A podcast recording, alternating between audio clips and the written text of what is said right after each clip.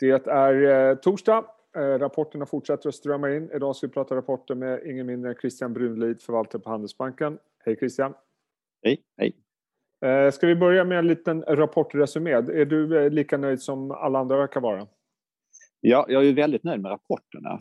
Vi har ju följt, liksom, vi följer 260 svenska bolags rapporter på kvartalsbasis och 70-75 procent av dem har kommit. Och man kan säga att vi, vi har nog aldrig haft så bra rapporter eh, någonsin, ska jag säga, alla de kvartal vi har tittat. Men däremot så har vi inte, liksom, aktiemarknaden har inte belönat rapporterna på samma sätt. Sen kan man ju säga att liksom, mycket, marknaden gick ju bra inför så att mm. marknaden hade liksom diskuterat in bättre rapporter än, än analytikerna gjort. Eh, så så är det.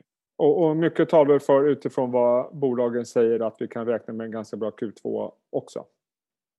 Ja, det tycker jag generellt. Sen, sen smyger det sig in lite, lite kapacitetsbrist ja. och, och, komponentbrist och så där också som kommer påverka, påverka enskilda bolag lite olika. Men, men eh, vi kan nog räkna med det. Det blir i många fall väldigt enkla jämförelsetal då, eftersom Q2 förra året var väldigt drabbat av ja, skäl som vi vet. Ja. ja. Ska vi titta på några av dagens rapporter? Det kommer bli lite hälsovårdstema huvudsakligen. Mm. Om vi börjar mm. med Biogaia, den mm. aktien stiger rejält nu på morgonen. Eh, man yes. vänder till tillväxt och man förbättrar resultatet. Det var lite ordrar som var förskjutna som borde ja. ha kommit i Q2 som kom i Q1 som påverkar positivt. Men ja. överlag, trenden positiv, eller hur? Ja, exakt. Alltså det här är ett bolag som, som haft ganska dålig rapporthistorik om man tittar tillbaka. Så detta var ju liksom första bra rapporten sedan andra kvartalet 2019 som vi ser det i alla fall. Så att det här var ju liksom en liten märkeshändelse ur det perspektivet. Och den organiska tillväxten var 21 procent, så även om, om någon order sköts fram och tillbaka så var det ju klart bättre än, än de 5 procenten som ungefär förväntades. Ja. Så att eh, äntligen så tog det fart här och det var framförallt den Americas-delen av, av det här bolaget som, som var bra. Och där har man relativt mycket onlineförsäljning också så det visar sig att det, liksom, det gynnar dem där. Då.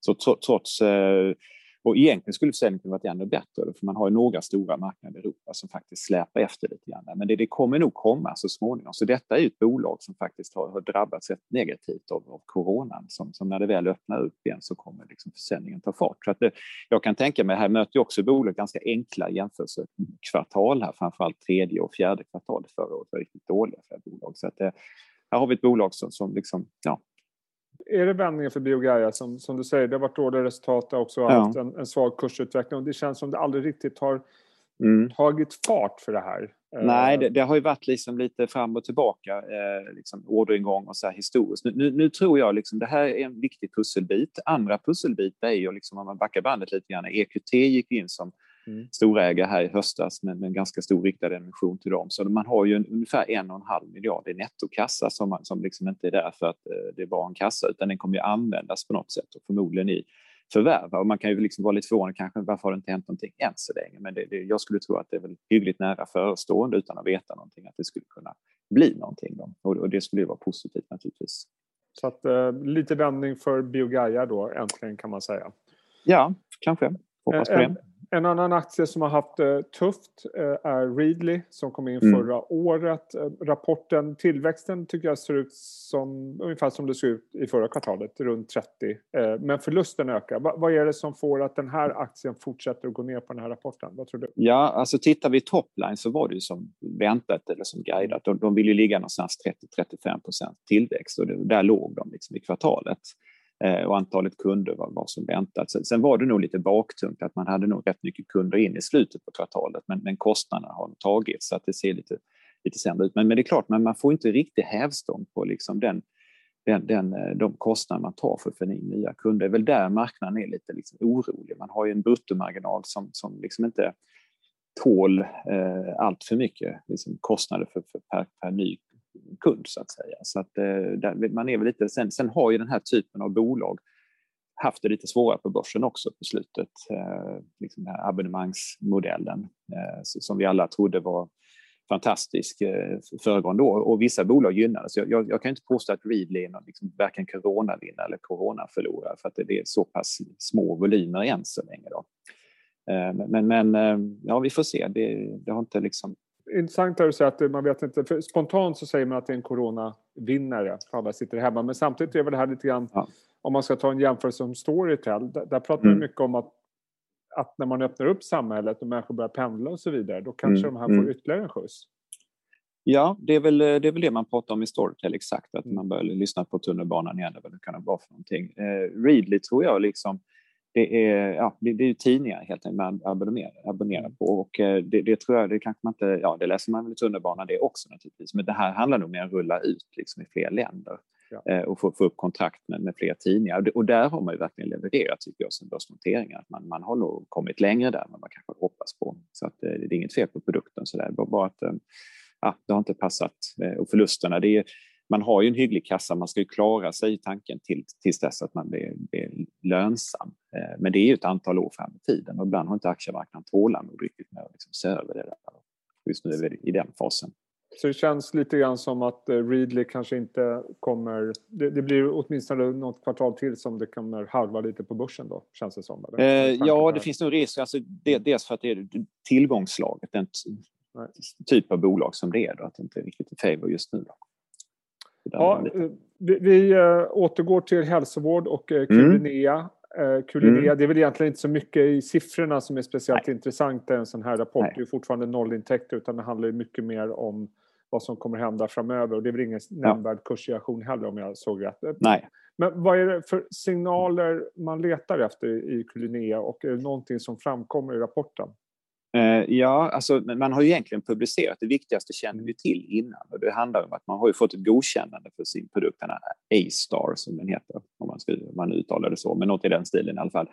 Eh, och, och på den här produkten är ju helt enkelt så att man, man kan upptäcka om, om du har blodförgiftning i mycket tidigare fas och du kan dessutom direkt konstatera vilket penicillin du ska sätta in. Så det här är väldigt bra för patienterna. För får man blodförgiftning så är det liksom en, en kamp eh, mot tid, en kamp kamp mot klockan, så du måste verkligen sätta in läkemedel snabbt. Och historiskt har man satt in ganska bredspektra penicillin och det är inte alltid liksom det funkar. Så att kan man väldigt tidigare liksom konstatera vilken sorts penicillin man ska sätta in så, så räddar man många fler patienter. Så det är verkligen en väldigt bra produkt som kom ut och man har liksom i princip ingen konkurrens. Idag. Så att, eh, och det här kommer, man fick ju godkännande för bara någon vecka sedan mm. och eh, nu, nu ska ju liksom försäljningen ta fart här i, i Europa. Så det är väldigt spännande och där jobbar man ju tillsammans med Thermo Fisher som är ett liksom globalt jättebolag som är väldigt entusiastiska kring den här produkten. Och sen det andra är naturligtvis att man ska börja en studie i USA eh, och det blev någon gång i, i kanske, kanske det här kvartalet, kanske andra halvåret eh, kring just för att få godkänna det där också. Så vi har ett antal intressanta datapunkter här vi ska följa framöver och se hur försäljningen tar fart och så där så att vi, vi kommer nog, det kommer nog inte stå noll på intäktsraden om, om några kvartal utan då har det förmodligen tagit fart. Och just det här med digitalisering, eh, korta ner vårdkedjorna ja. känns ju som att det eh, ligger helt rätt i tiden. Ja, Nej, men jag tror att ett, ett, en effekt av den här covid-pandemin då, det är ju liksom att man sjukvården måste ju verkligen effektiviseras framöver. Eh, vi har en enorm vårdskuld, liksom det, det, kan vi läsa om i alla länder, även egen, alltså massa operationer som inte gjorts och så vidare. Så man måste effektivisera och Kulineas produkt är definitivt en sån produkt som, som effektiviserar vården och höjer patientsäkerheten också, skulle jag säga. Så det är verkligen win-win ur det perspektivet. Är du som jag, att du tror också att hälsovård kommer bli en, en sektor som kommer bli en post-corona-vinnare ja. och kanske mer ja. strukturellt en, en temporär vinnare på att samhället öppnar upp. Ja, ja, ja. Det är ju ingen hemlighet, men vi blir allt äldre så det är en faktor som mm. har legat där bakom. Men, det var rätt intressant. Jag läste Bone Supports rapport här nu på morgonen också. Där, där skriver vdn att tagit del av en studie från NHS i, i England och där de liksom visar det 688 000 patienter som väntar på en trauma eller en ortopedisk operation, alltså en knäoperation och liknande. 67 000 har väntat över ett år och den 1 januari 2020, alltså innan pandemin bröt ut, så var det 436 personer. Så man, man förstår ju liksom att det är ett enormt problem och ett berg som man måste beta av. Och det är inte bara att säga att nu, nu kör vi på 100% kapacitet igen, för då har man ju då skjuter man den framför sig. Man måste ju hitta metoder att liksom öka takten helt enkelt också och effektivisera. Och det gäller ju många områden naturligtvis, inte bara, inte bara ortopedi. Ja, eh, väldigt intressant att följa mm. det. Eh, vi mm. eh, avslutar med ytterligare en hälsovårdsrapport och det är Sedana. Mm. Tas negativt. Mm. Tillväxten var det väl egentligen ingenting fel på? Nej, alltså det här är inte, det är kvartals, det är inte liksom kvartalssiffrorna i sig som är det mm. viktiga. Nu, nu fanns det väl lite kanske förhoppningar på att man skulle annonsera en ny vd. Christer valde att avgå här i samband med Highlights-rapporten. Eh, vad jag förstår så jobbar man intensivt på det. Det måste ju vara ett väldigt attraktivt jobb, tycker jag, om man är i den branschen. För här, här har man en produkt som funkar väldigt väl. Samma sak här med effektivisera vården inom intensivvården. Eh, det är win-win för patienten också och nu ska man liksom starta en studie i USA. Och det var väl kanske den andra punkten då, att man att man, man medger att den, den skjuts på, lite grann på framtiden. För covid-pandemin har gjort att diskussionen om FDI har dragit ut lite grann på tiden så att det tar lite längre tid innan man kommer igång. Men det måste vara väldigt attraktivt. Det här, är, det här är ett bolag som kommer, jag är ganska säker på kommer ha miljardomsättning eh, flera, flera, gånger så att säga, ett antal år fram i tiden. Det här är också ett, eh, man visar ju på att man har gjort, jag tror det är över 600 000 patienter som har liksom behandlats med den här produkten och, och läkemedlet, för det är en kombination de har. Eh, och det är trots att de inte har några egentliga, ja, man ska säga, godkännande eller, liksom, eller, eh, kring, kring detta, utan man, man väljer att använda den ändå för det är så pass bra. Så att till exempel så har man ju bara liksom skrap, Tyskland är deras största marknad idag, men man har ju bara skrapat för ytan på potentialen där. Så så fort alla godkänner och så är på plats eh, så, så, så, kommer man accelerera eh, försäljningen ganska ordentligt, det är helt övertygad om. Så att det här är, ja, jag är inte orolig, jag tycker snarare det är köpläge idag. Dessutom ska man ju splitta aktien här. Det kan ju vara ett enkelt mm. knep, men man ska ju splitta på fyra tror jag det också. Och aktien har ju gått väldigt, väldigt bra. Och, och ja och nej alltså. Det, ja, om man tittar ja, på ett över år. Tiden. Eller, ja. ja. men sista tiden tycker jag kanske. Men, men är inte det lite grann, följer inte den här rapporten samma mönster som jag sett mycket i rapportperioden? Att det har blivit ganska stora rörelser på rapporter som egentligen har varit ganska bra eller odramatiska. Att, att det är liksom så flödet ser ut i marknaden lite grann just nu? Ja, det, alltså det har ju varit så i flera kvartal att det är stora mm. kursrörelser både upp och ner och, och tålamod kort ibland. Men, men det skapar ju möjligheter för sån som mig. Liksom både, man får ju agera lite market maker. Går det för bra upp så kan man passa på att lätta om man tyckte det var oförtjänt bra liksom, och, och vice versa. Så att, eh, eh ja, jag är van att hantera det. Eh, det var rapporterna det. Jag tänkte vi ska avsluta med en annan liten grej och det är ett bolag som jag tror du och jag pratade om tidigare, Sellink, som mm. har eh, kapitalmarknadsdag nästa vecka. Varför ja. är det så intressant?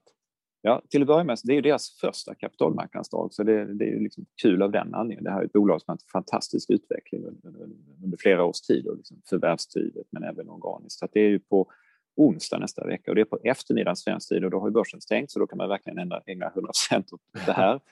Eh, vi får se, eh, så att det är några timmars övning. Men det som är liksom som, som, eh, som eh, believer i Selling sedan många år tillbaka så, så är det ju spännande när man läser agendan. För att först ska ju Erik eh, Gatenholm, då vd, prata, men punkt nummer två är en person som heter Dr. Robert Langer eh, som i december valde att signa upp liksom som en, en, en scientific advisor till Cellink. Och det här är inte vilken doktor som helst, utan det här är ju någon form av guru i USA. Han är liksom stor professor på MIT, han var med och grundade det här Moderna, som är alltså det här vaccinbolaget och han har flera hundra patent bakom sig och så vidare. Så att av allt han kan tänka sig att göra, för han har nog inte brist på erbjudanden, så väljer han att jobba med Selling, vilket är väldigt spännande, för han tror naturligtvis på, på det de håller på med. Så att han, han ska prata som num punkt nummer två och ämnet är the future of medicine. Så att, eh, och det lär ju inte vara negativt det han säger för säljningsdel. Så att det kommer inte vara ett öga torrt misstänker jag när han har pratat klart där då. I alla fall inte mina.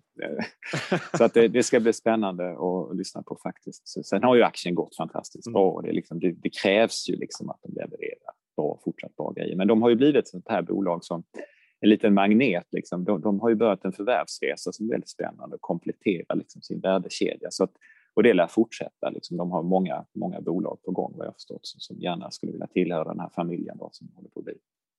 Mm, ja, det ser vi fram emot. Eh, vad ja. sa du, onsdag efter stängning? Ja, jag tror vi börjar klockan två. Okej, okay. efter, på mm. eftermiddagen. Då kan, ja, precis. Det är ju halvdag på börsen, va? så att, eh, då, då, har man ju tid till att lägga 100 fokus ja, på det. Då ska ja. vi göra det. Eh, bra Christian, eh, tusen mm. tack för att du tog dig tid. Eh, tillbaka till rapportfloden. Jag vet att det är många ja. rapporter kvar idag, bland annat Loomis och Peab som du tittar på. Får se vad som händer yes. där. Sköt om dig. Ja, tack detsamma. Ha det bra.